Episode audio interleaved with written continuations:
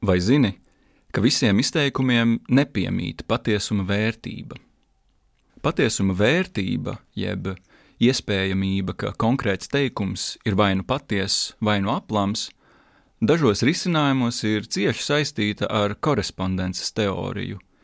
Īsi izsakoties, ja mums ir dots teikums, Jānis ir pie galda, tad tas ir patiesi, ja Jānis ir apsēdies pie galda, bet tas ir aplams, ja Jānis ir aizgājis uz veikalu. Patiesuma vērtība šādā triviālā un samērā neproblemātiskā nozīmē piemīt apgalvojumu teikumiem, kur mērķis ir aprakstīt pasaulē notiekošo, aprakstīt faktus vai modelēt iespējamas situācijas. Ar šāda veida izteikumiem savās propozicionālās loģikas sistēmās un tās pavadošajās nozīmes jēgas teorijās strādā Gotlobs Frēga, Bertrands Rasels, Ludvigs Wittgensteins un citi domātāji. Pirmkārt, šie teikumi nav daudznozīmīgi, un otrkārt, to jēga ir noteikta. Teikumā izmantotie nosaukumi atbilst priekšmetiem pasaulē, un zīmes teikumā tiek izmantotas korekti. Piemēram, ja aplūkojam teikumu Jānis ir nav, tad varam iebilst, ka loģiskais operators nav, ir iemānīts nepareizajā pozīcijā, īpašības vārdu pozīcijā. Tādēļ šis teikums ir bezjēdzīgs un kā tāds nav ne patiesa, ne aplams. Citiem vārdiem, jēga ir nosacījums patiesuma vērtībai. Tikai sintaktiski pareizi izkārtots teikums var attēlot iespējams lietu stāvokļus, piemēram, Jāņa atrašanos pie galda vai Jāņa aiziešanu uz veikalu. Šādā veidā Frēgas, Rasela, Wittgensteina un citu domātāju filozofiskajos pētījumos ievijas normatīva dimensija – lai valoda būtu jēgpilna, tai ir jābūt aprakstošai un teikumiem jābūt ar noteiktu jēgu. Vēlākā valodas filozofijas tradīcijā šo pieeju pašos pamatos sāk apšaubīt. Tā sauktās ikdienas valodas filozofijas pārstāvis Džons Lankšos Ostins, formulējot runas aktu teoriju, iebilst pret aprakstošai valodai piedāvāto jēgas prestižu.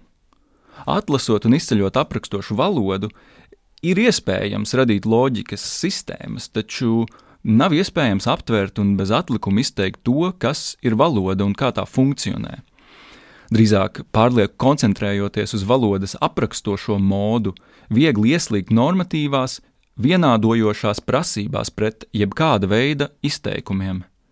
Ikdienas valodas filozofijā valoda netiek skatīta tikai kā apraksts šo aspektu nekādā ziņā neuzsver par hierarhiski visbūtiskāko vai vienīgo jēgpilno. Citiem vārdiem, Ostins vedina uz valodu noraudzīties, atsakoties arī no pieejas, kas visus izteikumus vērtē kā patiesus vai aplamus. Patiesuma vērtība ir spēkā tikai attiecībā uz apgalvojumiem. Turpretī izsaukums nolādēts vai jautājums, kas šodien par dienu? Tie neko nepretendē pateikt par pasauli. Tie nav apgalvojumi jeb konstatējoši izteikumi. Ostins nošķir konstatīvus sacījumus un performatīvus sacījumus, kas savukārt vērtējami kā veiksmīgi vai neveiksmīgi. Piemēram, ar jautājumu es tiecos tapt sadzirdēts un gūt atbildi, gūt kādu informāciju. Tā primāri ir komunikatīva darbība, kuras centrā ir valodiska saziņa, tās mēdīs ir valoda. Teikumu nodēvējot par performatīvu, tiek norādīts, ka šī sacījuma izteikšana ir vienlaikus darbības izdarīšana.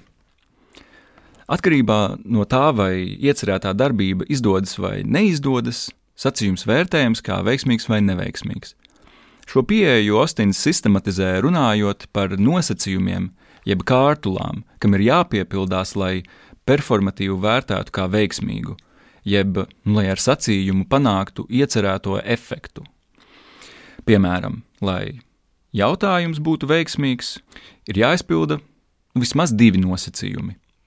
Pirmais - es jautājumu uzdodu kādam, kas to pieņem un sadzird, un otrais - es saņemu atbildi. Ja pilnā nopietnībā uzdod jautājumu tukšam gaisam, mans mēģinājums veikt darbību ir bijis neveiksmīgs. Performatīvs ir izgāzies. Ja tiesas prāvā, būdams žūrijas loceklis, nevietā jautāju apsūdzētajam, vai atzīstat savu vainu, ko?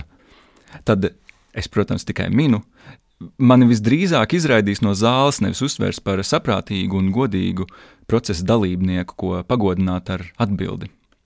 Noslēgšu ar vienu Ostina piemēru. Ne es, ne mācītājs, ne dzimtsarakstu nodaļas darbinieki nekad nevarētu veiksmīgi izsakīt frāzi: Pasludinu jūs par vīru un sievu, ja tas būtu adresēts pingvīniem.